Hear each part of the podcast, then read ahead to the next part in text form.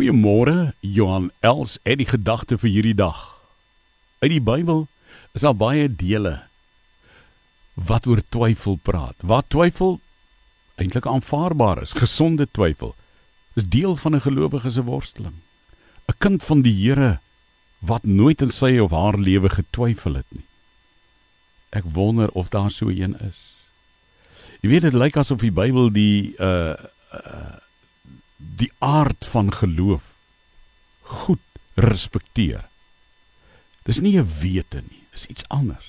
Paulus sê ons wandel deur geloof, nie deur aanskoue nie. Die geaardheid, die aard, die karakter van God kan ook nie anders as om twyfel by mense te wek nie. God kan nie heeltemal geken word nie. God bly ook 'n misterie, nê, 'n geheimenis. Jy kan nie God heeltemal ken nie. Uh, Moses kon nie vir God kyk nie is ook nie in die in die geaardheid van 'n mens om uh in elke geval te twyfel nie. Jakobus word gewaarsku in die brief Jakobus. Jakobus 1 gaan lees om vers 1 tot 8. Jakobus waarsku teen twyfel as 'n slegte gevoel.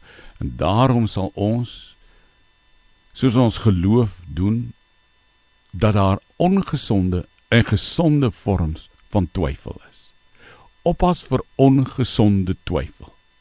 Ongesonde twyfel maak jou skepties en sinies. Maar gesonde twyfel lei jou om te glo soos Thomas, my Here en my God te sê.